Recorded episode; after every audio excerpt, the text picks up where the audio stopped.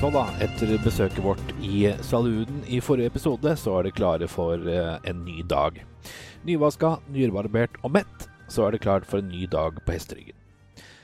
En cowboys oppgave kan være mange.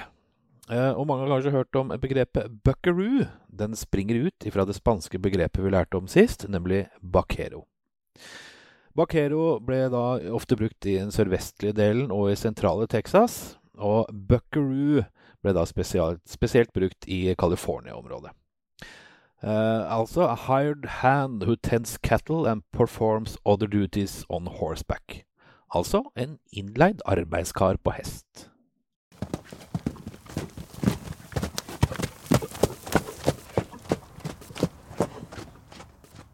Chisholm Trail var altså en viktig amerikansk krøttersti, eller snarere en rute for å drive kveg, fra sør i Texas til jernbanestasjonen for kvegtransport ca. 800 km lenger nord, i Abilene i Kansas. Veien ble benytta i all hovedsak mellom 1867 og 1887 da, for å drive kveget til Kansas Pacific Railways, jernbanestasjonen i Abilene, hvorfra de ble ført videre på krøttevogner østover i landet.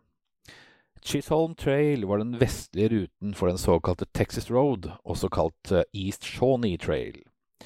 Den ble oppkalt etter eh, Jesse Chisholm, som allerede innen den amerikanske borgerkrigen hadde anlagt en rekke trading posts, altså handels- og poststasjoner, langs ruten, og på den måten skapte den eneste relevante infrastrukturen på steppelandet.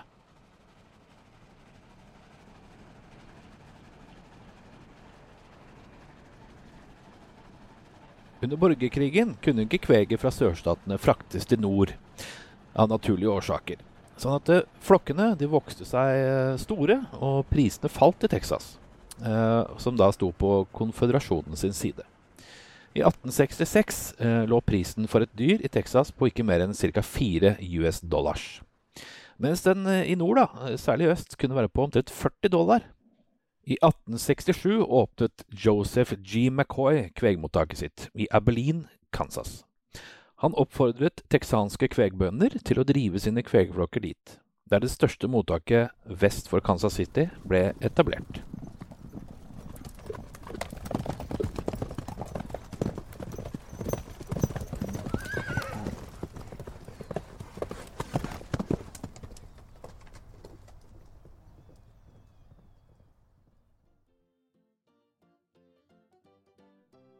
O.W. Wheeler og hans partnere benyttet Chisholm Train og førte i 1867 en flokk på 2400 kveg helt til Abilene.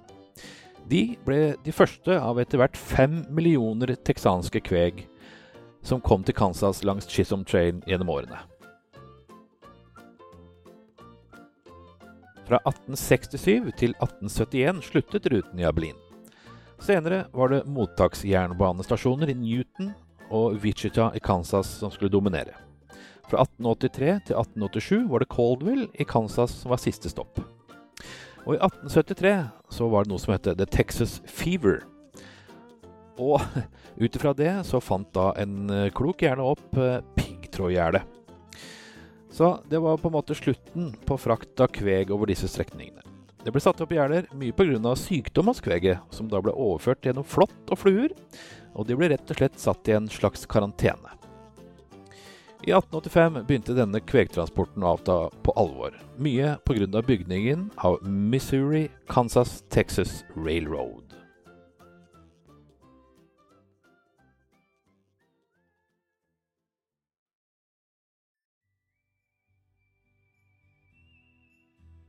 Det var en kort innføring om Chisholm Trail. Uh, og så har vi noen andre fakta her som er kanskje greit å legge på bordet. Mange av cowboyene hadde jo vært med i borgerkrigen, både nord- og sørstatssoldater. Og så mange som en fjerdedel av cowboyene var f.eks. eks-slaver. Noen var innvandrere fra Europa. Selvsagt var det også med noen meksikanere og en del amerikanske indianere. Mellom åtte og tolv cowboyer kunne flytte 3000 longhorn-kveg på disse kvegerutene.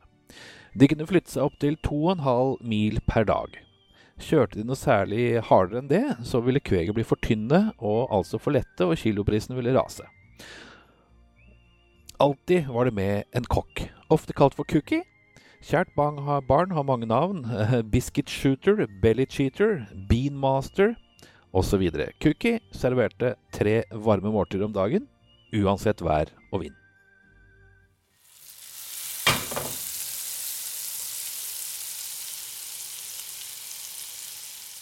Matvogna til kokken het for øvrig Chuckwagon. Kokken hadde også en annen viktig jobb, som var nesten like viktig som å lage maten. Kokken han måtte nemlig merke ut hvor Nordstjerna var hen på himmelen, hver eneste natt.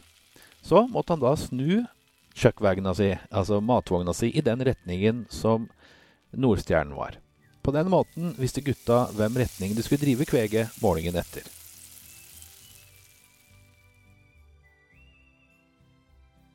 Cowboyene brukte de samme klærne i ukevis. De brukte denim, altså olabukser, med sånne lærflapper på lårene for å beskytte dem mot tårnebusker eller annet rask som måtte dukke opp. De Vibrema Stetson-hattene beskyttet selvsagt mot den brennhete sola. Hattene brukte man også som kopp til å drikke av, f.eks., eller servere hesten en skvett med drikke på en varm sommerdag.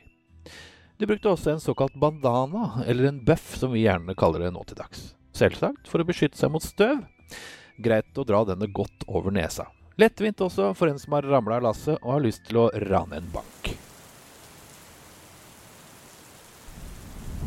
Etter en lang dag med kvegdrift så var det én oppgave som sto igjen. Og det var å få roa kveget og få lagt dem. Ofte var det to stykker som gikk rundt og opererte som voktere av kveget. De var veldig redde for at det f.eks. skulle begynne å lyne og tordne. Det ville skape et veldig rabalder i flokken. Så hvordan holdt de da flokken i ro? Jo, de sang for dem. Først eh, sang gjerne en av disse to vokterne første verset. Og så tok den andre over og sang vers to. Slik dekket de større områder. Sånn holdt de på da fram og tilbake. Sang hvert sitt vers.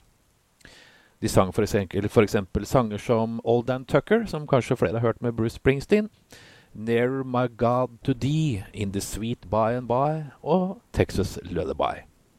Lucky Cows, sier nå jeg. I neste episode av The Old West så skal vi ta for oss en litt mindre kjent profil.